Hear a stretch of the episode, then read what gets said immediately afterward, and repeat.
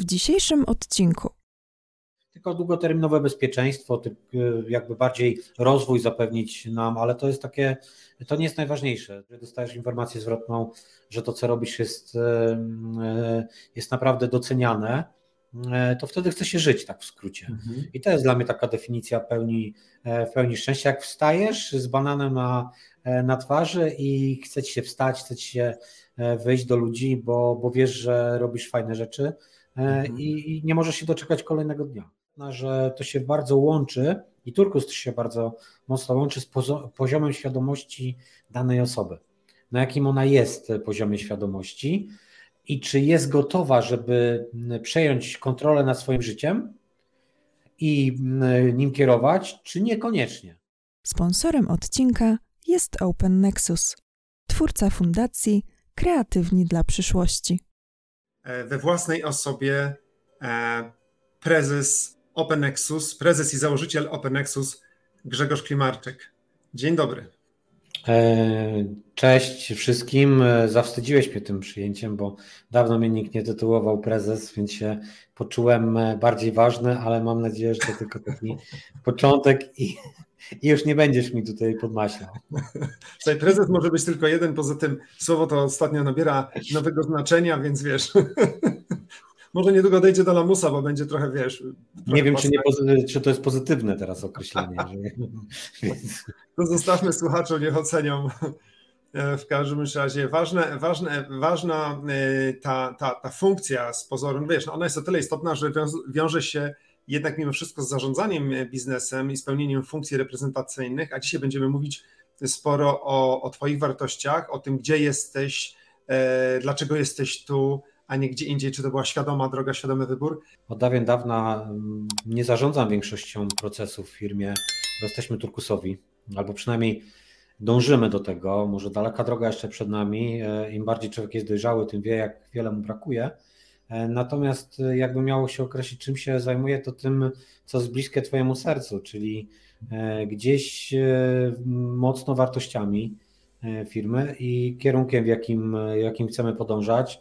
E, czyli te, od tej bardziej strony strategicznej staram się wspomagać e, zespół. Staram się, żeby ten kierunek, który jest przez nas obrany, satysfakcjonował nas. Ty to fajnie określiłeś, że my musimy określić, czy chcemy dopłynąć, nie wiem, do portu w Barcelonie, czy do Liverpoolu. E, I w jednym i w drugim będzie fajnie, tylko inaczej. Więc moim zadaniem jest to, żeby też pokierować tym statkiem tak, żeby każdy będący na pokładzie, kto nie zdecyduje się z niego wysiąść, E, po osiągnięciu tego celu był e, zadowolony z tego, co robi. Był szczęśliwy, tak w skrócie. Mm-hmm. No tak, bo tutaj trzeba, trzeba dodać e, naszym słuchaczom, widzom odrobinę informacji, że my też mamy tę przyjemność współpracowania ze sobą w zakresie strategii rozwoju firmy i stąd ten przykład, który teraz podałeś, on się pojawił na jednym z naszych, na jednym z naszych warsztatów i faktycznie określa jakby świadome, świadome wybieranie celu podróży, tej tak zwanej destynacji, tak aby dotrzeć tam, gdzie faktycznie chcemy dotrzeć e, i w czasie, w którym chcemy, a nie zupełnie dać się ponieść e, czynnikom zewnętrznym, tam, gdzie nas wiatr za, za, za, zaprowadzi. Więc e, wspomniałeś o Turkusie i e, ja wiem, że na tym kanale i, i, generalnie jesteście orędownikiem działania organizacji w takim kolorze turkusowym i na tym kanale sporo informacji jest poświęconym właśnie temu modelowi, więc może nie będziemy teraz tak rozkładać tego na czynniki pierwsze, bo, bo, bo pewnie ci, którzy nas oglądają czy oglądają kanał, mają pojęcie o tym, o, o czym jest turkus, ale mnie bardziej tutaj interesuje, na ile dojście do tego momentu, do, do, do tego elementu, gdzie teraz jest, jest firma E, w, tej, w, tej, w ramach tej turkusowej organizacji, na ile to był świadomy proces, świadoma droga, a na ile zbieg okoliczności, zdarzeń jakichś zewnętrznych, po prostu przypadkowo się znaleźliście. Właśnie, czy to była Barcelona, czy to był Liverpool? E, to jeżeli chodzi o procentowe określenie, jakby miał określić, to 100% e, to był świadomy wybór. Oczywiście on nie od razu powstał w takim mierze, ale to była kwestia dojrzewania E, stopniowego dojrzewania i podążania w kierunku takiej e, gdzieś tam e, daleko idącej autonomii i zmęczenia z mojej, z mojej perspektywy byłem po prostu najzwyczajniej mówiąc zmęczony zarządzaniem klasycznym. Mhm. A co cię męczyło w tym klasycznym zarządzaniu? E, męczyło mnie to, że podejmowałem bardzo wiele decyzji, e, których nie powinienem podejmować, e, na których się nie znałem, których ogarnięcie powodowało jakiś tam chroniczny stres. No bo jeżeli podejmujesz decyzje, chcesz, żeby to były decyzje racjonalne i chciałbyś, mhm. żeby były jak najlepsze, no bo jak najlepiej życzyć swojej, swojej firmie. I w pewnym momencie orientujesz się, że jednak kurczę, coś jest tu nie tak, bo E, dlaczego to nie ci eksperci, ci, którzy się znają na tym, podejmują decyzje, tylko ja mam je podejmować? Oczywiście, że oni mi je przedstawiają, ale po, po co ja w ogóle muszę się zapoznawać e, z tym, że oni podejmują taką czy nie inną e, decyzję i jak to wnosi w moje życie, co to wnosi w moje życie, co to wnosi w życie firmy. Czyli z mojej strony tak, trzy perspektywy można tu przytoczyć. Perspektywę moją, pracownika i firmy. No to tak, z perspektywy mojej, no to wywołuje chroniczny stres no bo informa ilość informacji, które ja, ja, musiałbym przetworzyć, żeby podejmować decyzje, jest zawsze większa niż czas, w którym jestem w stanie podejmować je. E, jeżeli jeszcze do tego mm, dochodzi, że mam trochę niebieskiego w sobie z kolorów osobowości, że nie jestem klasycznie żółto, na przykład czerwony, gdzie mógłbym podejmować decyzje nie w oparciu o fakty, e, tylko też bardziej spontanicznie, no to to już zupełnie ten poziom stresu jest jeszcze wyższy, e, bo jednak chcesz ogarniać tą, tą rzeczywistość, chcesz wiedzieć, jakie decyzje podejmujesz. No więc musisz się w coś wczytać, musisz się zagłębić. To jest pierwsza perspektywa. Druga perspektywa to jest perspektywa pracownika, e, który musi udowadniać, że nie jest wielbłądem, czyli e, ja często nie rozumiem tego, co on robi, a mi musi wytłumaczyć, żebym ja podjął właściwą decyzję. No ale to coś jest znowu nie tak, bo mówię, jeżeli on jest ekspertem w danej dziedzinie, to nie, on, to nie ja powinienem podjąć tą decyzję, tylko on. Oczywiście tu też wchodzi konformizm, czyli wbrew pozorom nie jest dużo, nie, nie ma wielu pracowników na rynku pracy, którzy chcą podejmować takie świadome decyzje. E, czyli z drugiej strony narzekamy, jak e, nie możemy ich podejmować, jak to szef ich podejmuje, i tylko mamy tego szefa debila, którego możemy powiedzieć, że to wszystko, to wszystko on, za to on odpowiada, tak? On nie podjął tej decyzji, ja mu mówiłem, co ma zrobić, ale nie skumał jak zawsze ale z drugiej strony mamy sytuację, w której e, no to pracownik ma podejmować decyzję, ale mówi, kurczę, ale to jest trudne, przecież ja mogę popełnić błąd. Ja nie jestem przekonany, ale z drugiej strony bardziej komfortowo czułem się w tej pierwszej roli. No i to jest takie, mm, można powiedzieć, mm, zależne od etapu ewolucji, od tego, w jakim, na, etap, na jakim etapie jest dany człowiek. Czy on chce racjonalnie wpływać na swoje życie i podejmować decyzje, czy woli dostać coś z góry, zrobić swoje i wyjść e, do domu. E, więc to też nie jest jednoznaczne, ale, ale większości ludzi świadomych jednak e, jest więcej tego zniechęcenia, ja bym to nazwał, czyli mhm. tego, że nie mogą podejmować decyzji, albo tego, że ktoś ich nie chce wysłuchać na górze, albo ich nie rozumie. Mhm. No i trzecia perspektywa to perspektywa firmy, czyli wielkie marnotrawstwo, bo z perspektywy procesu to jest wielkie marnotrawstwo, że mm, wiele osób w organizacji przetwarza tą samą informację, żeby podjąć decyzję. Mhm. A nie powinni, a powinni to podejmować w moim odczuciu te osoby, które no, są ekspertami w danym obszarze I, i oni w tym siedzą, oni wiedzą, co, e, co robią, biorą za to odpowiedzialność, więc chyba nie ma sensu, żeby e, osoby trzecie w to włączać. Więc z mojej mhm. perspektywy to byłem zmęczony psychicznie i fizycznie. Ja bym to tak nazwał, ten stan. I stąd, I stąd mówisz, że to była w związku z tym świadoma decyzja przejść, e, przejść z tego modelu klasycznego właśnie do turkusu. E, moim zdaniem, to znaczy turkus w mojej opinii jest ciężko osiągalny jako destynacja, jako miejsce, w którym można o to dojść, usiąść, rozciąć się wygodnie w fotelu i powiedzieć jesteśmy w turkusie. Jak dla mnie to jest proces ciągłego przybliżania się do tego stanu, nie da się jakby chyba w tych czasach, których, znaczy w ogóle chyba mentalności człowieka i w otaczającym świecie nie da się osiągnąć takiego stuprocentowego stanu turkusu, tylko gdzieś, gdzieś dążyć do tego stanu idealnego. Czy, czy, czy podzielasz moją opinię, czy masz odmienne? odmienne 100% jest to, jest to proces e, i nie da się w inny sposób jak ewolucją. Mało tego, jak my dojdziemy do jakiegoś stanu, to nasz poziom świadomości będzie wyższy, więc zobaczymy, ile jeszcze przed nami. Więc e, e, to cały czas jest taka, jak nazywam, gonitwa. Uwielbiam, uwielbiam, jak, uwielbiam to powiedzenie, że nawet dzisiaj w rozmowie z, z, z klientką użyłem, że są ludzie, którzy nie wiedzą, czego nie wiedzą, I, a są ludzie, którzy wiedzą, że czegoś nie wiedzą. I generalnie to jest tak, że z wiekiem zdajemy sobie sprawę z tego, że wiemy, że coraz, coraz więcej wiemy, że, że nie wiemy więcej, prawda? Mamy świadomość, tak. że jak dużo jest jeszcze rzeczy, które, o których nie mamy bladego pojęcia, ale kiedy jesteśmy młodymi ludźmi, no to zdając jakiś malutki fragment, wydaje nam się, że już prawie wszystko wiemy, że tam już y, za tą, za tą górką to tam już jest niewiele, prawda? Tam jest kawałek jakiegoś skraju, jakiejś ziemi i to już jest koniec, a nie, że tam jest nieskończona przestrzeń, ocean możliwości, wiedzy i, i, i inspiracji i tak dalej. Więc to jest to faktycznie to, co teraz powiedziałeś, że im bardziej się zbliżasz do, do turkusu, paradoksalnie tym tym, tym, da, tym dłuższa droga do niego, prawda? Bo tym bardziej sobie uświadomiasz, uświadamiasz jeszcze, ile można zrobić, żeby dojść do tego stanu idealnego. Ale jak opowiadałeś o tym, o tej sytuacji e, klasycznego zarządzania, gdzie szef, szef ma zawsze rację, no przecież są, są nawet takie memy, że wiesz, pierwszy punkt szef ma rację, drugi punkt jak szef nie ma racji, patrz, punkt pierwszy, no i koło się zamyka.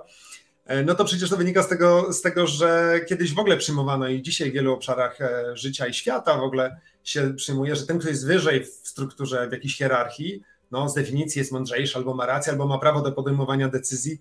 No i co za tym idzie, podejmowania, e, brania odpowiedzialności za nie. No i te konsekwencje, które sobie powiedziałeś, że to zmniejsza zaangażowanie, motywację ludzi, ta niesamowita, ta ilość strat, tego potencjału, nie? co by było, gdyby ktoś bardziej zaangażowany, bardziej E, wtajemniczony merytorycznie podjął decyzję, która byłaby lepsza dla firmy, e, ale nie może jej podjąć, bo nie ma ku temu sprzyjających warunków okoliczności, bo to musi właśnie zrobić albo szef. Powiem taką ciekawostkę, że spotkałem się to zupełnie niedawno w organizacji z takim przypadkiem, bardzo dużej organizacji zatrudniającej kilka tysięcy osób, ale w ramach jednego zakładu, nie rozczłonkowanego na, na, na, na miasta czy na kraje, ale w ramach jednej struktury, gdzie wszystkie umowy i wszystkie dokumenty kosztowe były podpisywane przez zarząd. Wszystkie. W tak dużej organizacji to, mus, to, to muszą być nie, nie dziesiątki, nie setki, ale tysiące dokumentów dziennie. I okazało się, że zarząd po prostu codziennie ma wygospodarowany czas, kiedy po prostu siedzi, podpisuje. Dwie, trzy godziny siedzą i podpisują. Oczywiście nie jest fizyczną możliwością, żeby oni cokolwiek przeczytali z tych dokumentów. Oni mogą się zahaczyć na jednym, drugim, trzecim, ale to jest promil. Więc, więc jakby złożenie tego podpisów nie ma żadnej wartości merytorycznej, ma po prostu formalno-prawną. I w całym procesie, oczywiście ja to widziałem i chciałem to uświadomić jakby temu zarządowi, że należy coś z tym zrobić, bo, bo w całym tym procesie wszystkie osoby poniżej e, zrzekały się odpowiedzialności w momencie, kiedy ktoś podpisywał wyżej, a jak już podpisał zarząd, no to przecież prezes to podpisał, no to chyba wiedział, co podpisuje. Przy czym ten nieszczęśnik w ogóle nie, wiedział, nie miał pojęcia, co tam było na przykład w umowie, jak dostajesz umowę, 10 umów, każda ma po 50 stron, no to skąd możesz wiedzieć, co jest na każdej stronie, jakie są szanse zagrożenia, e, jakieś wpadki, ryzyka, rezerwy, więc, więc e, nawet w dzisiejszych czasach, w dużych, wydawałoby się dobrze zorganizowanych firmach dochodzi do takich no, nieprawidłowości, żeby nie użyć słowa patologii, e, na co rozumiem w Turkusie nie ma w ogóle przestrzeni. E, znaczy, nie ma docelowej przestrzeni oczywiście, natomiast oczywiście, że, że jest sporo tej, tej pracy do wykonania przed nami. E, I to jest właśnie to, to, co odkrywamy i to, co chcemy eliminować. E, bo jak my na początku daliśmy upoważnienia wszystkim pracownikom, którzy zajmują się kontaktem z klientem, doradcą, upoważnienia, to nie każdy chciał od razu podpisywać te umowy. To, to był cały proces. I oczywiście, że, że jeszcze część umów jest to klasycznych i na przykład Zygmunt siedzi i podpisuje, a że na przykład w grudniu i w styczniu pewnie z 1500 takich umów mamy, bo to jest taki szczyt dla nas, najwięcej jakby, no to, to powiedzmy, że te 1500 razy, razy ileś stron musi się podpisać, natomiast w większości to już faktycznie funkcjonuje na, na dalekiej decentralizacji, gdzie, znaczy każdy na pewno może podpisać mhm. e, z, z, osób zatrudnionych, kto przeszedł już mhm. jakieś tam szkolenie, kto jest z nami dłużej, kto e, zna proces i wie, że odpowiada za tą umowę mhm. e, od A do Z. Jasne. Okej. Okay. Zrobiliśmy, zbudowaliśmy dość fajne, duże, wyraźne tło naszej, naszej dzisiejszej rozmowy, dlatego że głównie dzisiaj będziemy rozmawiać o Tobie. Taki jest cel tego spotkania, czyli E, po co, po co wartości w firmie i czy to, czy to jest właśnie mowa, e, moda czy konieczność, ale chciałbym na to spojrzeć z Twojej perspektywy, a nie tak ogólnie, wiesz, teoretycznie, czy to moda, czy należy, czy nie, jakie ma wady i zalety. Czyli mamy już, mamy już właśnie ten background taki biznesowy. No to teraz przejdźmy do Ciebie, Grzegorzu. Czy tu i teraz uważasz się za szczęśliwego człowieka? Powiedzmy, że też bym musiał tu procentowo i tym razem nie, nie zaznaczę 100%. Jakbym miał tak oceniać, to myślę, że 70%. Uważam się za człowieka szczęśliwego, ale wiem, jak wiele mi jeszcze brakuje e, do tej pełni szczęścia, do tego, żeby, e, żeby tego każdego dnia wstawać z taką, e, z taką energią, która mi się zdarza, ale ona nie jest jakby aż na tyle powtarzalna, na ile bym chciał. Tak bym miał określić, czy jestem szczęśliwy w 70% tak, uważam swoje życie za udane. Jestem e, wdzięczny za każdy centymetr e, życia mojego rodzinnego. E, mhm. Tutaj jestem w 100% spełniony. Zawodowego w większości również. Myślę, że jeszcze, jeszcze jak to, to, to, to się wiąże, myślę, że z pełnią turkusu. Jakbyśmy ją osiągnęli, byśmy byli samodzielną organizacją, to tak. My na przykład z naszej perspektywy, naszych błędów, jakie popełniliśmy, co jest w tych 30%, to za mało poświęciliśmy na te obszary strategiczne. Łatwo jest obsadzić rolę w organizacji, w zespole, te role odpowiedzialności eksperckie, tak, bo to jest łatwo namacalne, zdefiniowane i to nam poszło wyśmienicie. Natomiast zapomnieliśmy, to wyszło zresztą na, na jednym z naszych warsztatów, e, bardzo słabo obsadziliśmy te role strategiczne i myślę, że tutaj trochę przespaliśmy tego, mhm. tego okresu. Zresztą nie, nie przez przypadek E, gdzieś tam nasza współpraca się zawiązała, no bo, bo, bo, bo, gdzieś tam widziałem, no chociaż nie, nie wszyscy w zespole wtedy jeszcze po, podzielali moją opinię, to myślę, że teraz jest już mhm. znacząca większość osób, które widzą w tym wartość i to, żeby odkryć tą rolę strategiczną, bo kluczem jest, że jednak te dwie role muszą być się wypełniać i dopełniać. I tak jak mówiłeś, e, klasycznie w zwykłej firmie to zarządy e, są odpowiedzialne za to, za wyjątkami takimi, gdzie podpisują te umowy, powiedzmy działają operacyjnie, to powinni działać strategicznie. E, mhm. Przynajmniej nadawać kierunek, e, strategię.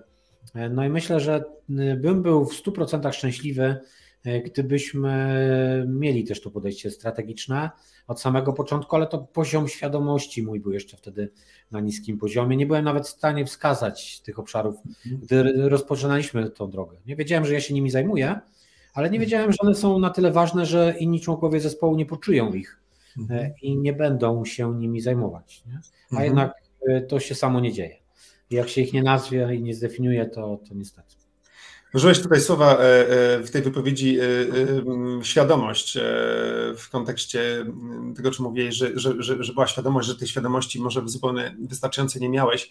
Więc ja tak sobie przyszło mi do głowy, żeby tutaj e, widzom teraz e, zrobić takie króciutkie, jakby sprowadzić wiedzę do wspólnego mianownika, jak to mówię, czyli króciutko powiedzieć, czym jest strategia, tak żebyśmy wszyscy rozumieli, bo e, z mojego no, 30-letniego doświadczenia wynika, że naprawdę tyle, ile ludzi, tyle definicji, misji, wizji, strategii, taktyki, działań operacyjnych, tak samo jak mnóstwo nawet osób na stanowiskach finansowych myli pojęcia marży z narzutem, więc opowiedzmy, czym jest, czym jest strategia. Strategię należy rozumieć jako sposób przedostania się z punktu A do punktu B, czyli umownie z dzisiejszego momentu, z dzisiejszego miejsca, tak najczęściej startujemy. Oczywiście strategię możemy przenosić w czasie, możemy założyć, jaka jest strategia na wyjście z przyszłościowego, z punktu umiejscowionego w przyszłości do tego jeszcze dalej, tak? Natomiast generalnie co do zasady, kiedy mówimy o strategicznym rozwoju firmy, no to, to najczęściej myślimy od, od momentu dzisiejszego, tu gdzie dzisiaj jesteśmy w ramach organizacji, do miejsca, które znajduje się w przyszłości. I teraz sposobów na przedostanie się do tego miejsca jest wiele, tak jak wiele środków komunikacji, prawda, rower, samochód, autobus, tylko który jest najlepszy, powinien określić, określać y, cel jakby, e, czyli miejsce, do którego chcemy dotrzeć, bo nie w każde miejsce dotrzemy autobusem miejskim, E, cel, w jakim chcemy tam dotrzeć, czas, w jakim chcemy dotrzeć. Czasami będzie to rower, czasami samochód, czasami na pieszo, więc jest wiele zmiennych i tak samo w biznesie. I teraz większość osób na stanowiskach operacyjnych nie, jakby nie zadaje sobie tych pytań, na zasadzie nie marnuje czasu i energii, nawet jeżeli ma predyspozycje, kompetencje czy wiedzę, bo się dokształca, no bo, no bo to jest proces, który spala energię, spala, spala, zajmuje czas, spala e, energię, mm, angażuję i jeżeli ja nie mam mocy sprawczej, czyli nawet jak coś wymyślę, a później nie będę mógł tego zrealizować, nie będę mógł wpłynąć na rozwój firmy w tym kierunku, no to po co mam się tym zajmować? Więc ludzie, nawet ci, którzy chcieliby się tym zajmować, często w strukturze takiej klasycznej, hierarchicznej, nie robią tego, bo nie ma przestrzeni. Bo tak jak powiedziałeś, strategia jest zarezerwowana e, dla zarządu. Natomiast waszej organizacji jest przestrzeń na to i wiem, że zaprosiliście do tej współpracy wszystkich pracowników, tak? Nie tylko zespół liderski, ale też inne osoby. Jeżeli ktoś ja znamy taki przypadek, ktoś chciał, e, podniósł rękę i powiedział, ja też, ja też chciałbym brać w tym udział, proszę bardzo przyjdź, jeżeli masz e, chęć e, wzięcia udziału w tworzeniu tej strategii, to, to, to, to bardzo Cię proszę. I to jest właśnie piękne, bo wówczas to zaangażowanie, motywacja ludzi rośnie. A przecież, żeby określić tę strategię, wrócę na chwilę, no to musimy wiedzieć ten punkt, do którego do, dążymy, no, zmierzamy, no to jest ta wizja, ma ten malowniczy obraz przyszłości, a żeby wiedzieć, gdzie jest ta wizja, to powinniśmy mieć zdefiniowaną misję, czyli najpierw rozumieć cel istnienia firmy. I praktycznie no, y, tworzy nam się taki kompleks spójnych y, pojęć, definicji, a co, dla tym, co za tym idzie dla firmy, konkretnych zdań, konkretnych znaczeń, które nadają sens, sens, sens pracy pracownikom, sens podejmowania, podejmowania określonych decyzji, co sprzyja łatwości e, podejmowaniu spójnych decyzji. Więc to wszystko jest dość złożone, skomplikowane e, w sensie takim, że no, no, wymaga dosyć dużo nakładu pracy, prawda? Bo przecież pracujemy nad tym też już jakiś czas i jesteśmy w procesie. I więc strategia różni się od taktyki, która jest bardziej osadzona tu i teraz, w działaniach operacyjnych, działaniach menedżerskich, co zrobić jutro, pojutrze, w jaki sposób, krótko, krótkie, taktyczne działania. Strategia z definicji jest zorientowana na wieloletni proces i wymaga spojrzenia bardzo szerokiego. I tutaj fantastycznie, że o tym powiedziałeś, bo mogliśmy troszeczkę wyedukować w tym obszarze właśnie naszych widzów. I kiedy odpowiedziałeś ja bym, na to pytanie. Ja bym jeszcze coś dodał. Tak. Wiesz, Grzegorzu, y, bym dodał coś więcej. To jest moje spostrzeżenie y, dotyczące MSP naszych polskich firm. Y, no, generalnie polskich, bo i dużych, które urosły już z rangi powiedzmy średniej do dużej, że bardzo jest niewiele firm. One się naprawdę wyróżniają w, w tym momencie, bo na pewno z takich polskich firm bym wyróżnił kilka, Fakro, bym wyróżnił Impost, no jeszcze parę na pewno, parę takich naprawdę dobrych firm, nie chciałbym tu kogoś pominąć mm, z ważnych mhm. menedżerów, natomiast w większości my traktujemy zajmowanie się tą strategią jako marnotrawstwo czasu. E, jako coś, przecież ja nic nie, nie pracuję w tym, e, w tym momencie. Jestem w procesie niby, że twórczym albo i nie. Nie ma efektów mojej pracy, więc de facto my tego nie robimy. I tym przegrywamy chociażby ze spółkami ze Stanów, którzy myślą długoterminowo. Nie wiem, jak Amazon, który 10 lat nie, nie, nie generował zysków ale jednak miał swój cel e, i wszyscy mówili, pukali się w głowę, co on robi i w ogóle co, mm, to jest bezsensowne, przecież to, to, to upadną prędzej czy później, a teraz jest e, już na takim poziomie, że e, tylko i wyłącznie przejmuje kolejnych, kolejnych graczy na rynku i rządzi i dzieli. Mm, podobnie było z innymi spółkami technologicznymi w Stanach Zjednoczonych i to pokazuje ich myślenie ich przewodzenie takie strategiczne, długoterminowe. Oczywiście, że to może w drugą stronę pójść, jak chociażby Uber, który nie wiem, czy kiedykolwiek zacznie zarabiać z ich podejściem. Natomiast co do zasady, no jest ta myśl przewodnia, jest długoterminowe myślenie, takie bardzo, bardzo strategiczne, którego brakuje naszym firmom rodzinnym do tego, żebyśmy byli mocni i globalni na rynku. Tak mi się wydaje. Mm. To takie przemyślenia. I to w ogóle w Europie, nie, nie tylko w, tak. w Polsce. Absolutnie, absolutnie, absolutnie tak. No i tutaj bardzo fajnie, wiesz, moglibyśmy, moglibyśmy odpłynąć zupełnie jakby w obszar teorii, o strategii, a kto robi, nie robi, dlaczego i tak dalej, ale my przecież nie musimy tego robić, nie musimy odpływać, improwizować, bo, bo wiemy, o czym rozmawiamy. Mówimy o, o wartości, o systemie wartości i jeżeli, jeżeli świadomie zarządzasz swoim życiem, świadomie zarządzasz swoim biznesem w oparciu o swoje wartości, swoje potrzeby, to wtedy ty tę strategię tworzysz właśnie w oparciu o to. Nie musisz już e, e, szukać inspiracji poza firmą, nie musisz patrzeć, co robi konkurencja i starać się ich naśladować. Po prostu tworzysz swój własny, e, własny pomysł, własną strategię na rozwój firmy, która jest osadzona głęboko w tobie i wówczas po, po pierwsze masz prawo, szansę być bardziej oddany temu, bardziej prawdziwy, bardziej wiarygodny, bardziej zaangażowany, bardziej autentyczny. No i, i wtedy sama droga cieszy, i to jest najważniejsze, że, że ten każdy dzień e, cieszy, e, droga cieszy, a jak się uda dojść do tego celu założonego, no to już w ogóle petarda. A nawet jeżeli się jego nie da osiągnąć w 100%, to to zasady też jest ok, bo ta droga była przyjemnością, była, dawała spełnienie. Więc bardzo chciałbym wrócić do tego właśnie Twojego szczęścia, bo powiedziałeś, że to nie jest 100%, bardziej 70% i o ile w życiu prywatnym wszystko jest, czy, czy, czy powiedzmy, tam, tam, tam jest 100 czy blisko 100, no to ten deficyt, który widzisz, jest bardziej w obszarze organizacji, a przecież w pracy poświęcamy no, największą część takiego świadomego życia, kiedy nie śpimy i nie robimy zakupów i nie zajmujemy się jakimiś innymi obowiązkami, no to po prostu pracujemy głównie. Jakbyś mi powiedział, jaka jest Twoja definicja szczęścia zatem? E, moja definicja szczęścia mm, to jest stawać każdego dnia z pełną energią, z poczuciem takiej właśnie misyjności, jak ty mówisz, że e, nie jest to takie szczęście, jak niektórzy by sobie wyobrażali, nie wiem, osiągnąć jakiś gigantyczny sukces, nie wiem, finansowy, czy jakikolwiek, czy żebyśmy byli jakąś spółką globalną. Pewnie też bym chciał, ale to nie dlatego, żeby osiągnąć spektakularny sukces finansowy, tylko długoterminowe bezpieczeństwo, jakby bardziej rozwój zapewnić nam, ale to jest takie, to nie jest najważniejsze. Najważniejsze to jest to, żebyśmy e, żebym każdego dnia i każdy ze członków nasze, naszego zespołu e, wstawał i czuł, że robi zajebiste rzeczy, e, mhm. że, że robi to, co lubi, że robi to, co kocha i mało tego, żebyśmy dostawali też odwzajemnienie od tym, którym świadczymy te usługi, czyli mhm. naszym klientom, jeżeli dostajesz informację zwrotną, że to, co robisz jest, e, jest naprawdę doceniane, e, to wtedy chce się żyć, tak w skrócie. Mhm. I to jest dla mnie taka definicja pełni, e, pełni szczęścia. Jak wstajesz z bananem na, na twarzy i chce ci się wstać, chce ci się wyjść do ludzi, bo, bo wiesz, że robisz fajne rzeczy mhm. i, nie możesz się doczekać kolejnego dnia. I to jest mhm. takie chyba dla mnie pełna definicja szczęścia. Mhm.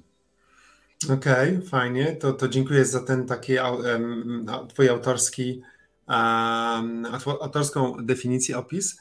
Um, znowu kawałek taki może, może, może edukacji, coś co, coś, co się może przydać widzom, to gorąco zachęcam do tego, żeby spojrzeć na szczęście przez pryzmat E, jakby takich trzech fundamentów e, szczęścia. To znaczy, jestem głęboko przekonany, żeby móc o tym mówić, żeby mieć szansę w ogóle do tego, żeby powiedzieć, że jestem szczęśliwy, to muszą być spełnione trzy warunki, czyli pierwsze, ja muszę wiedzieć, co jest dla mnie ważne, jakie mam potrzeby. Dlatego, że jak nie wiem, no to, no to jak mogę je zaspokajać, jak mogę się na tym skupiać, jeżeli nie wiem, co jest dla mnie ważne. Więc to jest jakby najważniejszy element wiedzieć. I ty, drogi widzu, też musisz wiedzieć, co jest dla ciebie ważne, e, co jest najważniejsze, dlaczego, oraz jakie są Twoje potrzeby. Drugi warunek to musisz e, e, móc mieć prawo decydowania o tym, tak? W pracy. Wyobraźmy sobie, że wiesz, co jest dla ciebie ważne, ale nie możesz decydować, bo szef każe ci coś innego, tak? Albo nie pozwala ci decydować. Jest, jesteś ubezwłasnowolniony w swoim procesie, w swojej pracy, czy w swoim procesie decyzyjnym, który jest decyzyjnym, ale de facto nie jest, bo ktoś za ciebie podejmie decyzję, albo nie pozwala ci postępować w zgodzie z własnymi, własnym systemem wartości, z własnym sumieniem. No i wreszcie trzeci warunek, to musisz mieć prawo postępowania w zgodzie z tym, bo nawet jeżeli wiesz, co jest dla ciebie ważne i możesz o tym decydować, ale z jakich względów nie możesz postępować w ten sposób, no to znowu ograniczasz to, te swoje szanse, tą swoją szansę do szczęścia. I tutaj e, powiedziałem o tym dlatego, żeby teraz przejść do Grzegorza i właśnie poznać jego wartości, tak? Czyli żebyśmy zobaczyli teraz, jak to się ma w przypadku Grzegorza, który powiedział nam, że lubi wstawać rano, lubi, e, lubi właśnie z takim szczęściem, z pasją zabierać się za działania danego dnia, bo to rozumiem jest tym, czym chcę, żeby było. Czyli jakbyś nam Grzegorz powiedział o swoich wartościach. Jakie to są wartości? Top of the top. E, znaczy, ja bym skoncentrował się na jednej, myślę, że kluczowej, która mi, mi zawsze przyświecała. Ona szczególnie mnie dotknęła e, w, w okresie COVID-u. E, to jest wartość, znaczy taka ponad, ponad wszystkim to jest wolność. E, I może z tego też turkus wynikać. Mm. Tak uważam, jakby długoterminowo patrząc. To jest w ogóle dla mnie niepodważalna rzecz. Ja się w ogóle za zawsze brzydziłem hierarchii. Nawet jakby byłem jeszcze wcześniej w Volkswagenie, prowadziłem projekty, czy w Solaris Bus, bo może dobrze się tam czułem, to brzydziłem się hierarchii, bo niby dlaczego miałem się płaszczyć przez kim ktoś wyżej w hierarchii, a nie mieliśmy się spierać na argumenty. Jakby nigdy mhm. tego nie rozumiałem. Dlaczego nie mamy dążyć do stanu docelowego, najlepszego dla organizacji, tylko mamy jakby służyć tym, którzy są wyżej od nas e, i wykonywać ich polecenia, a nie pracować na, na wspólny cel. Więc ta wolność jest dla mnie chyba e, takim ponadczasowym, czyli wiem, że jak ludzie mają do wyboru pomiędzy wolnością a bezpieczeństwem, to zawsze wybierają bezpieczeństwo znaczy nie zawsze, tylko większości. To jest y, badanie naukowe, a potem nie mają ani bezpieczeństwa, ani wolności. E, bo to jest e, jakby niestety taki patowa sytuacja tego wyboru. E, to dla mnie jednak to wolność jest ponadczasowa. Niektórzy mówili w czasie COVID-u, bo nigdy nie nosiłem maski i mówi, to, to, to jak to? Mówię, to, mówię, jesteś niebezpieczny, narażasz siebie. Ja mówię, że innych narażasz. No i nie mogą się zaszczepić, jakby nie mam przeciwko. E, nawet nie negowałem tego, tylko to powinno być świadome w każdym etapie życia, to powinno być świadome, nie można nikomu nic narzucić, nie powinniśmy nic narzucać. I my często oczekujemy takich, teraz szczególnie w Europie to obserwujemy socjalizm 2.0 e, bym to nazwał. My oczekujemy, że ktoś za nas przyjdzie, czy rząd, czy ktokolwiek i rozwiąże za nas wszystkie problemy. A to jest niemożliwe. I tu jest klucz, że mm, według mnie do szczęścia, do, że nie dojdziemy do tego, rozwiązując za kogoś jego problemy. Bo to się mhm. tego nie da. I nie wiem, jak ludzie piją, to e, nie przyjdzie mądry polityk, powie zakaz picia e, w danym państwie. Nie? Bo to zejdzie do podziemi, to, to mhm. zejdzie do innych używek i do tego. To tak nie działa. E, I to bardziej w świadomość ludzi musimy jakby podnosić ich świadomość. I tu dochodzimy do, do setna, że to się bardzo łączy i Turkus się bardzo mocno łączy z poziomem świadomości danej osoby. Na jakim ona jest poziomie świadomości i czy jest gotowa, żeby przejąć kontrolę nad swoim życiem i nim kierować, czy niekoniecznie. Bo jeżeli nie chcesz przejąć, i myślę, że Turkus to jest dla zdecydowanej większości dla tych osób, których też cenią wolność jako jedną z głównych e, takich wartości, bo ta wolność jest wszędzie, się przejawia mhm właśnie też metodzie kierowania. Długi wywód, natomiast y, uważam, żeby też spojrzeć na to trochę szerzej. Y, jak mhm. chcemy złote rady, albo chcemy, żeby ktoś nam rozwiązał wszystkie problemy ustawą, rozporządzeniem czy czymkolwiek innym, to nie jest to możliwe. Mhm. Y, I to jest moje. Tak, tutaj bardzo mocno wybrzmiewa też, nie padło to słowo, ale ono, ono praktycznie w prawie każdym zdaniu gdzieś było w tle odpowiedzialność czyli przede wszystkim wolność to, to, to branie odpowiedzialności, a nie, nie szukanie tej odpowiedzialności u kogoś innego, no bo z definicji jak szukamy jej u kogoś innego, to już nie mamy wolności, jesteśmy zależni od tego kogoś, prawda? E, skoro, skoro, to chwyciłeś. Tak, tą odpowiedzialność dzielić, więc, więc e, wolność oznacza branie odpowiedzialności i turko z tym samym oznacza brać odpowiedzialność, być odpowiedzialnym, tak? Uczestniczę, biorę decyzję, Ale... odpowiadam za nie. Tak, i to się łączy gdzieś tam pewnie y, też poniekąd y, z naszymi predyspozycjami i z talentami, bo, bo z tych galupa e, talentów, jakby miał zdefiniować z tych 304-5, y, to tam odpowiedzialność też jest mhm. w tej, tej piątce, czyli jest to dosyć istotne, widać dla mnie i bardzo mocno faktycznie łączy się z właśnie z podejściem i łączy się też z zaufaniem, a tutaj mam z kolei pryncypialność a to pewne zasady, pewne normy etyczne, moralne, e, no mocno łączą się z zaufaniem, żeby mieć to zaufanie mhm. do tej drugiej strony i żeby się otaczać ludźmi, do których możemy mieć zaufanie, do których nie musimy kontrolować, nie musimy sprawdzać, bo mhm. są na takim etapie rozwoju, że chcą się rozwijać, a nie, nie chcą się mm, nie chcą się cofać w rozwoju, bo, bo też są takie osoby i, trzeba to uszanować, no, tylko dać im swobodny, wolny wybór. To jest Twoja droga, to jest Twoje życie. Idź tą drogą, jeżeli uważasz, że będziesz szczęśliwy. Bo nawet jak, to jest też fajne w wolności, nawet jak wiesz, że dana droga nie przyniesie komuś e, szczęścia e, czy rozwiązania, to możesz go tylko co najwyżej, ładnie mówiąc, coachować, czy możesz e, starać się wpłynąć na jego postawę, ale nie powinieneś za niego decydować. Mhm. I to jest myślę, że, tak. że, że klucz do, do tego. Tutaj przy tym, przy tym zaufaniu jeszcze jest bardzo, bardzo, wydaje mi się, ważna kwestia otwartej, szczerej komunikacji, bo kiedy, kiedy mamy do kogoś zaufanie, nie chcemy go kontrolować, tylko pozwolić w oparciu o zaufanie działać, to jest bardzo ważne, ważna ta otwarta, szczera komunikacja, dlatego że jeżeli zakładamy dobrą intencję prawda, w tej relacji i teraz, ale widzimy, że, że, że nie wiem, nie ma pożądanych efektów czy wyników, czy coś nam pozornie nie pasuje, no to mamy do wyboru albo dwie rzeczy, albo kontrolować, ale tego nie chcemy robić, więc zostaje nam drugie wyjście, szczerze i otwarcie się komunikować, bo może się okazać, że po prostu ta druga strona czegoś nie wie, nie widzi, albo są jakieś jeszcze czynniki zewnętrzne, które, które mają wpływ na zaistniałą, na zaistniałą sytuację, więc więc, e, no ale to znowu, to jest wolność, bo to jest wolność decydowania, wolność wyboru, wolność myślenia, wolność Dokładnie. stanowienia o, sobie, o samym sobie, nie? Tak. I o, o, tym, co robię, z kim jak robię, to, jak robię.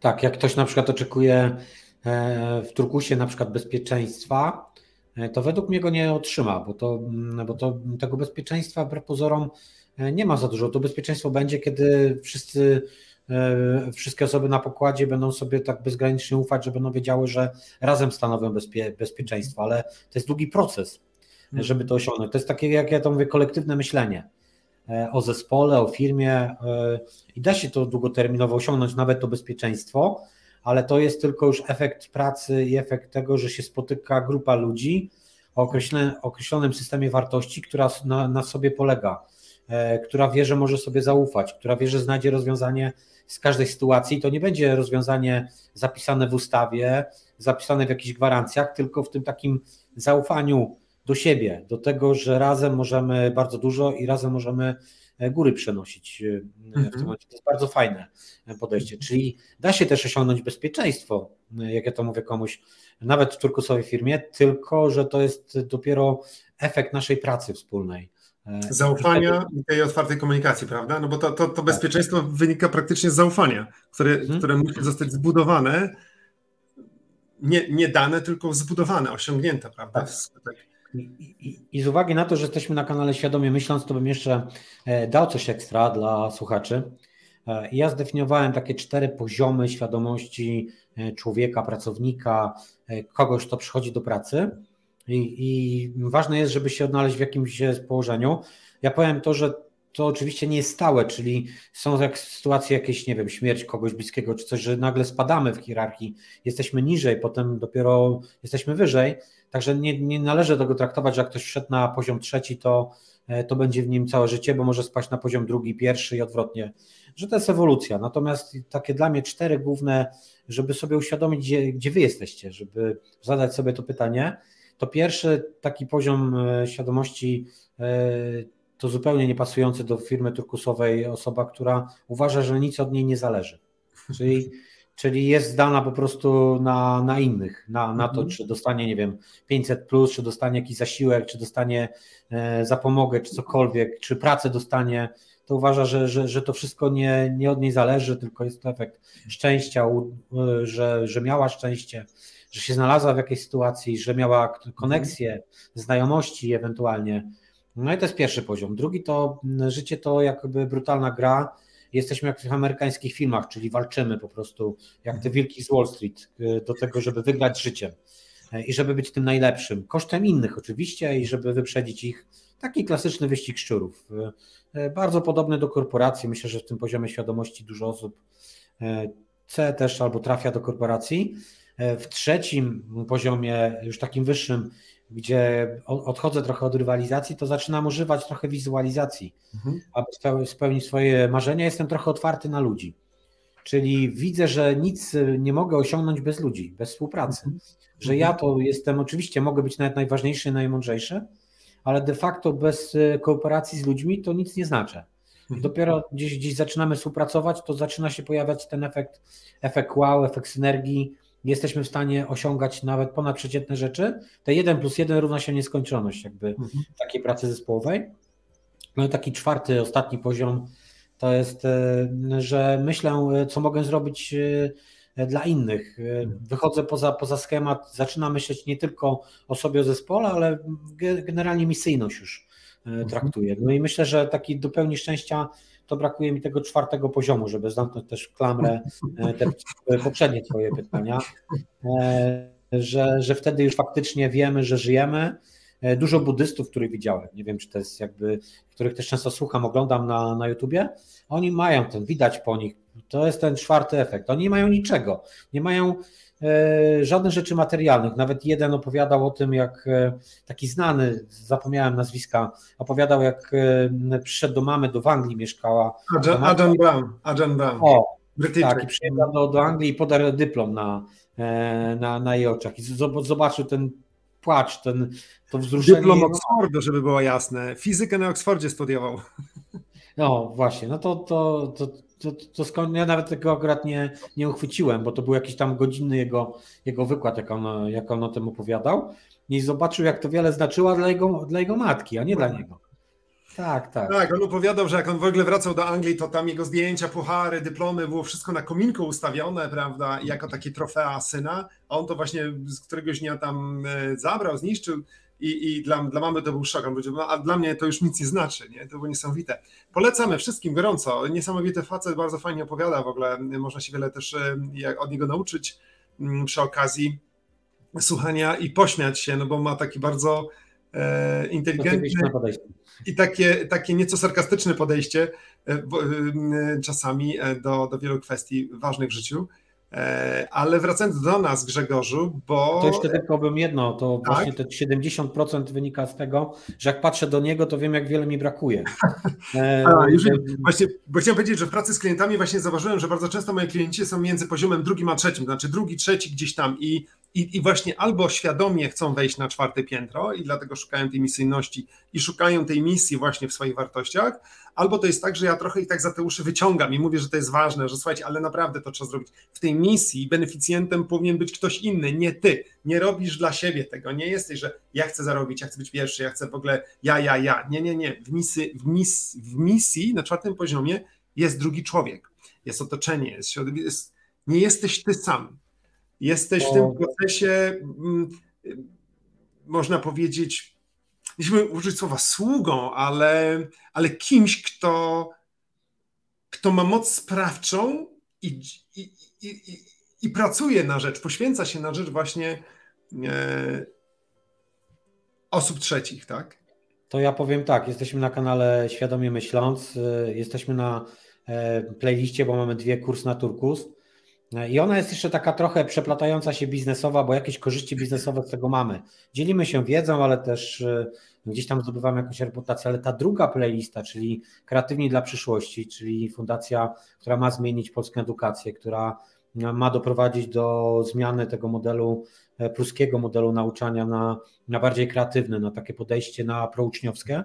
Ona jest tym podejściem i tym odzorowaniem, że E, chcemy faktycznie, bo to się zupełnie nie może spieniężyć, to, to jest zupełnie misyjność e, i, i to daje największą satysfakcję, bo, e, bo wiesz, że robisz coś dla, raz, że dla kandydatów potencjalnych, którzy trafiają do ciebie do pracy, bo oni w chwili obecnej nie są gotowi zupełnie po szkole takiej pruskiej do tego, żeby samo się zarządzać. To, to jest jakby abstrakcja. Czy nie da się, jeżeli przez ileś lat, 15, 20 czy 25 czy dłużej, e, ktoś ci wpajał pewien, pewne modele, wzorce, nagle zapomnieć o tym mhm. E, i, i zacząć e, od nowa jakoś kierować swoim, swoim życiem. Nie? Więc to, to jest fajne właśnie w tym wszystkim, że to da, dodaje energii i to daje ci taką energię, która cię napędza w tych innych obszarach. E, w tych biznesowych, bo wiadomo, że też mm, z czegoś musimy żyć i, i na czymś zarabiać ten, e, e, i chcemy jakiś tam dobrobyt osiągnąć w życiu, taki, żeby nie, żebyśmy nie, nie, nie byli na tym pierwszym etapie świadomości. Natomiast ta, jak się wejdzie na ten czwarty, to, to, to co buddyści, ale to, co też zresztą w Biblii jest napisane, o czym jak nie zniekształcamy Jezusa i Jego słów, to jest to, żeby właśnie kierować się na tym, co wartościowe, żeby to zachowywać dla siebie, bo to dopiero da nam ten efekt taki spełnienia w życiu. I, coś w tym jest. Naprawdę e, wierzę w to mocno. Tak jakbyś nam jeszcze Grzegorzu w tym układzie powiedział, od kiedy, od kiedy świadomie, od kiedy wiesz, co jest dla ciebie naprawdę w życiu ważne i, i, i świadomie e, postępujesz w oparciu o to? Trudno zdefiniować taką jedną datę, bo to było takie stopniowa ewolucja. E, gdzieś tam był 2012 taki pierwszy coaching, pierwsze takie próby, e, gdzieś tam zobaczenia, gdzie jestem i to uświadomienia sobie, jak daleko jeszcze mi i czy chcę tak skończyć, czy, czy, czy to jest ten mój cel w życiu, że ja będę tak zapierniczał po 16 godzin dziennie i, i skończę gdzieś tam, nie wiem gdzie, e, czy na cmentarzu, czy, czy, czy może mi się uda i może w jakimś, nie wiem, zakładzie psychiatrycznym, jak będę miał trochę szczęścia i dożyję sobie w zakładzie psychiatrycznym. E, to jest kwestia, myślę, ewolucyjna i gdzieś tam pierwszy taki odwaga w 2019, czy stosunkowo niedawno, ze trzy lata temu, kiedy postawiłem wszystko na jedną kartę. Ja powiedziałem, kurczę, ja już w zasadzie inaczej nie chcę. E, wiedziałem, że nie chcę. Wiedziałem, że wiąże się to z wielkim ryzykiem, te całe zmiany w firmie, ale mówię, ale z drugiej strony, jak wiesz od serducha, że nie chcesz już inaczej, e, to, to tak cię mocno motywuje, że nawet jak widzisz te ryzyko i widzisz mhm. E, to zagrożenia, to one nie są dla ciebie najistotniejsze, bo tam jest ta, to, do czego dążysz, jest, jest tak mocno, tak mocno cię napędza, że zapominasz o tych ryzykach wszystkich i nawet nie, nie jesteś w stanie ich oceniać i wyceniać ich. I myślę, że to był 2019, gdzie, mhm. gdzie wiele rozmów odbyłem i nabrałem bardziej odwagi. I to był też moment, w którym y, poleciłbym też profesora Ome. Y, to było coś, co y, rozwaliło mi mózg, a on się mózgiem zajmuje. Mhm. Całe życie wierzyłem, że jednak racjonalność decyduje. Mówisz o Rafale, tak? Rafał Ome. Mhm. Rafał Ome, tak. Mhm. I racjonalność decyduje. I na jednym z jego wykładów u profesora Blickle właśnie, mhm. E, kiedy on pokazuje nam, że nie ma żadnych połączeń pomiędzy rozumem a działaniem mózgu, a jest tylko pomiędzy emocjami, a że emocje wpływają na działania, mhm. co najwyżej rozum może wpłynąć na emocje. E, I, I, w tym momencie zaczynam e, patrzeć na świat inaczej. Mówię, kurczę, to jest to, nie? że jeżeli tak jest i udowodniłem sobie, że całe życie tkwiłem w błędzie, to trzeba to zmienić. I czułem to już wtedy, że podświadomie, że to już jest ten moment, że nie ma sensu czekać ani minuty dłużej, nie? Że, że to jest to.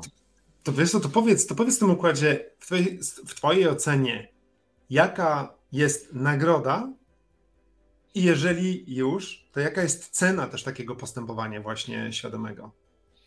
E, nagroda jest to, że mm, jest się E, jest się spełnionym, jest się szczęśliwym docelowo, chcecie się wstawać i masz to wszystko, to co jest najważniejsze w życiu, mhm. a kara jaką, czy kara, czy ryzyko, musisz się pozbyć, że nie powinno być dla ciebie ważne wszystkie rzeczy materialne, które cię otaczają w życiu, czyli musisz sobie zdać sprawę, że możesz je stracić.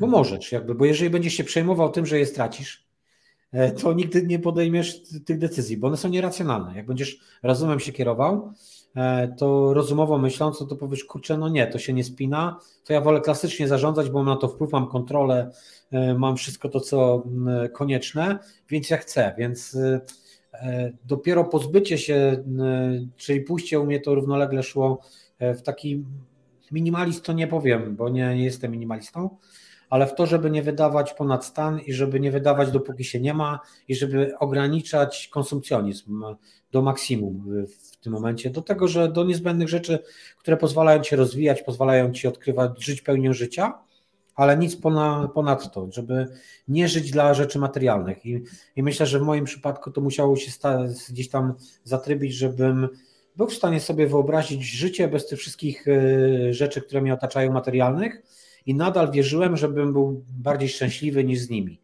E, I, i, I, to dopiero spowodowało, że, że popuściły mi już e, wszelkie hamulce e, z mojej perspektywy. Nie? To, to, tak. to, to przy tej okazji koniecznie muszę powiedzieć taką historię, która związana jest właśnie z, z ludźmi, które w nawiązaniu do tego, co powiedziałeś, zainspirowałeś mnie teraz tym, że, że musisz się wyzbyć takiego strachu przed straceniem tego, co masz. Ja coś na ten temat wiem, bo jak, jak wiesz, może część, część widzów wie, E, że po 25 latach ja zerwałem z tym stanem korporacyjnym. Tak? Pracowałem przez 25 lat na różnych stanowiskach, tak zwanych menedżerskich, wyższego szczebla, dobrze zarabiałem. No i tę strefę komfortu, gdzie masz dobrą, dużą strefę komfortu, masz wszystko, co jest ci potrzebne. Firma dba, żebyś miał wszystko, co, co jest potrzebne do, do takiego, nazwijmy to, funkcjonowania w przyjętym statusie takiego sukcesu, prawda? Natomiast e, no, e, rzucić to i przejść na swoje. Zresztą ty masz, to jest, twoja historia jest bardzo podobna. Kilkanaście lat temu też przecież rozstałeś się z korpo i zacząłeś własny biznes, ale takie świadome przejście na, na swoje i podjęcie działania od zera w pewnym sensie w jakimś obszarze, no, wiąże się z utratą, nazwijmy to tego statusu, tak? Nagle nie masz tej tej, tej wizytówki prezes czy dyrektor jakiejś dużej firmy, nagle nie wpływa na konto stała kwota pieniędzy, a na koniec roku jakiś duży bonus. Nikt nie płaci za ratę twojego samochodu, e, benzynę i, i bramki na autostradzie, tylko musisz za to zapłacić sam. E, więc dużo rzeczy ulega zmianie, więc generalnie no, można powiedzieć z finansowego punktu widzenia yy, przez jakiś okres tracisz, jeżeli się nie Czyli wolność, bezpieczeństwo. Zauważ, tak. Grzegorzu, nie? Ale jeżeli poświęcisz się temu tak od serducha i przebniesz ten proces, to nagle się uświadamiasz, że ty tym swoją postawą i tym swoim tym, tym, tym podejściem do życia dajesz jeszcze większe bezpieczeństwo sobie że wierzysz w to, że poradzisz sobie, że, że te rzeczy materialne nic nie znaczą, nie? I nagle się okazuje, że kurczę, e, że, że, mamy pełnię, ale to i to bezpieczeństwo przyjdzie z czasem, tylko ono no. będzie inne niż, niż klasyczne. No i, no i, właśnie, i właśnie o takim przykładzie chcę powiedzieć, że e, jeszcze, nie wiem, z rok temu, no myślę tak rok temu, rozmawiałem z, z kolegą, e, z jednym z kolegów właśnie, który pracuje w korpo i zachęcałem go, mówię, słuchaj, E, to jest świetny moment, naprawdę jest świetnie poza korpo, możesz robić to, masz takie talenty. I zachęcam do tego, żeby właśnie wybrał własną ścieżkę w oparciu o to, co jest dla niego ważne, bo, bo skądinąd miałem powody przypuszczać, że tkwi w takim świecie trochę konformizmu, że poświęca pewne właśnie swoje wartości na rzecz tego, żeby, żeby, żeby czerpać te korzyści głównie, znaczy nie tylko materialne, ale też jakby zaspokaja wartości czy potrzeby motywacji w oparciu o motywację zewnętrzną, tak? Czyli właśnie pozycja, wpływ, możliwość wpływu na coś, otrzymywanie e, jakichś pieniędzy, czy posiadanie tego samochodu, który gdzieś go tam plasuje na tej drabinie społecznej. I że to sprawia, że on, te, on tam siedzi. Ja mówię, chodź, chodź tutaj, to jest naprawdę fajnie, pomogę ci, pomogę ci stanąć na nogi.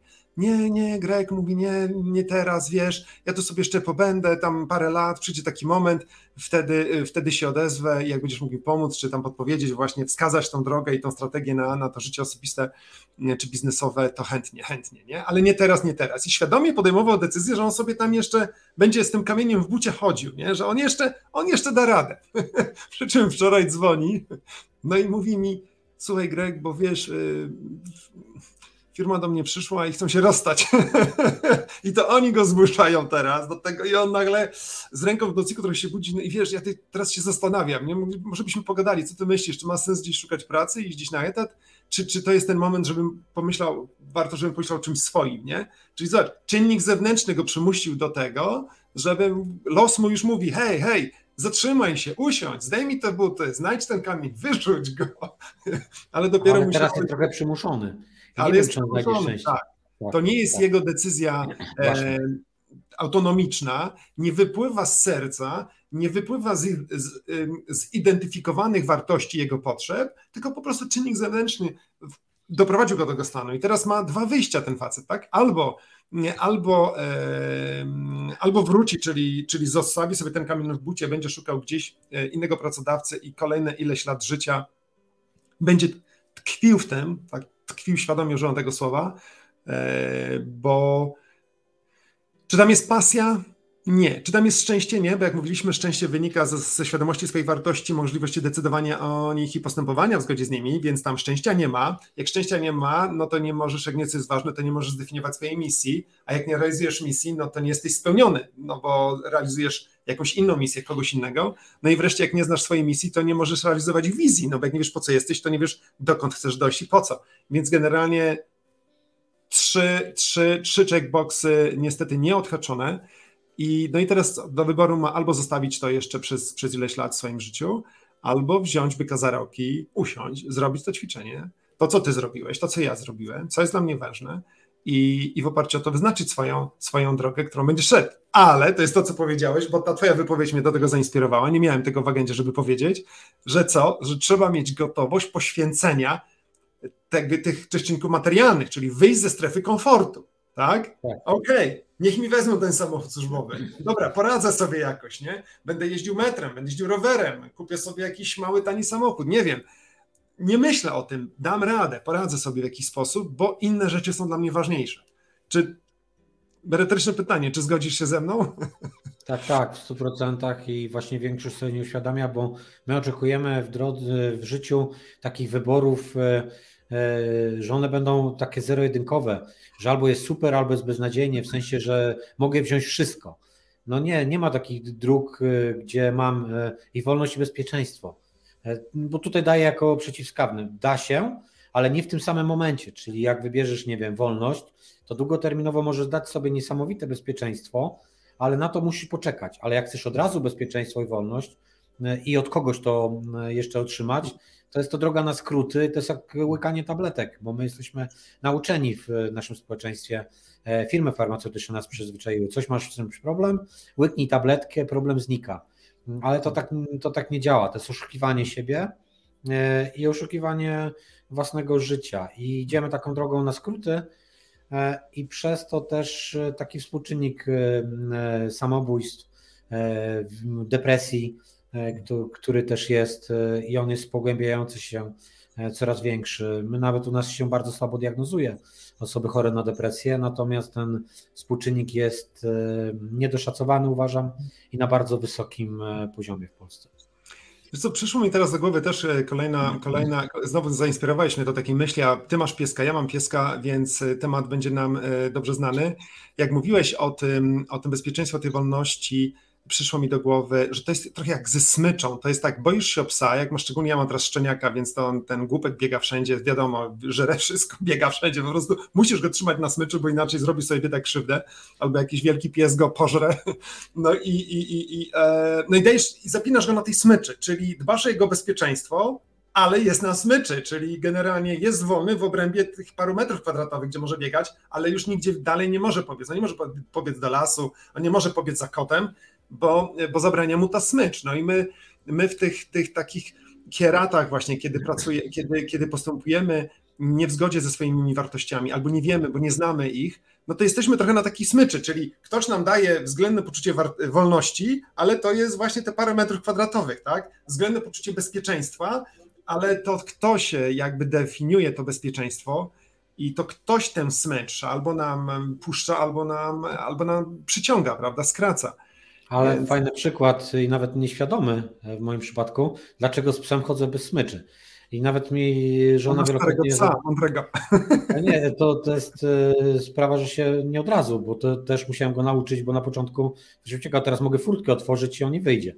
E, chyba, że ze mną i, i będzie wiedział, że, że to jest przyjemność. E, natomiast właśnie mnie żona pytała, że mówi, ale nie boisz się, że coś mi się stanie? Mówię, Oczywiście, że mogę mieć obawy czy coś, tylko kwestia, jak widzę, ile on czerpie z tego spaceru, kiedy jest na wolności, e, kiedy może wszystko powąchać, może sobie iść tam, gdzie, tam, gdzie chce, bo psy większą satysfakcję czerpią nawet z ilości powąchanych e, rzeczy, które, a nie z długości spaceru.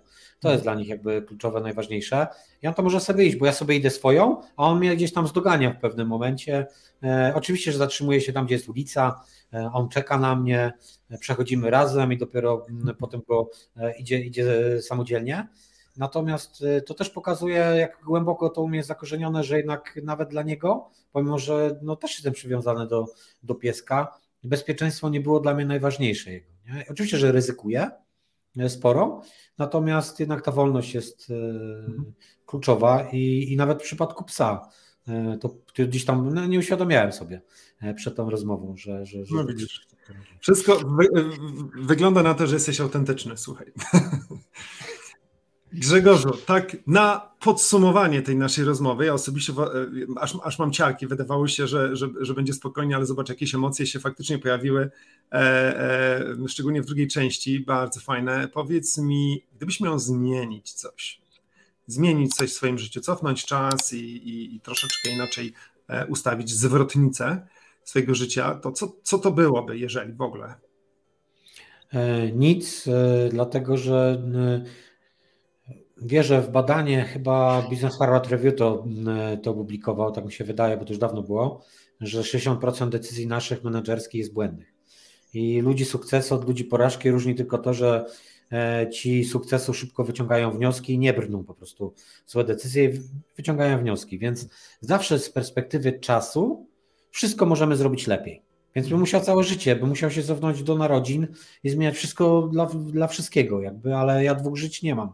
Mam tylko jedno Więc koncentrując się na przeszłości, nie będę dbał o przyszłość w tym momencie. Więc z tej perspektywy nie zmieniłbym nic, dlatego że wolę moją wiedzę wykorzystać do tego, żeby zmieniać i kreować moją przyszłość, która mi jeszcze została i, i ją zmieniać, na nią wpływać i to bagaż doświadczeń i wiedzy wykorzystać do tego, żeby tu i teraz podejmować lepsze decyzje i szybciej wycofywać się ze złych. I tyle. To jest cała, cała filozofia w tym momencie. Aż, aż trudno wyobrazić sobie lepsze zakończenie tej rozmowy, bo to jest coś, czego dokładnie życzę i Tobie, i wszystkim naszym słuchaczom, abyśmy e, po pierwsze świadomie żyli tu i teraz i świadomie kierowali swoją przyszłością. Nie siedźmy w labiryncie przeszłości, nie rozkminiajmy, nie rozpamiętujmy, nie, nie zastanawiajmy się, co by było, gdyby było. Odpuszczajmy, wybaczajmy e, i, i z wdzięcznością e, idźmy w przyszłość i, i, i z pełną świadomością właśnie tego, co jest dla nas ważne. E, I skupiając się nie na swoich potrzebach, a na potrzebach innych, patrząc, jak możemy innym, innym dać, zaspokoić ich potrzeby, dać im zaspokoić ich wartości. Bardzo serdecznie dziękuję Ci Grzegorzu za tę rozmowę. Przyjemność po mojej stronie. Moim gościem był Grzegorz Klimarczyk z firmy OpenNexus, a ja nazywam się Grzegorz Łędziewski. Dziękuję i pewnie do usłyszenia. Cześć. Cześć.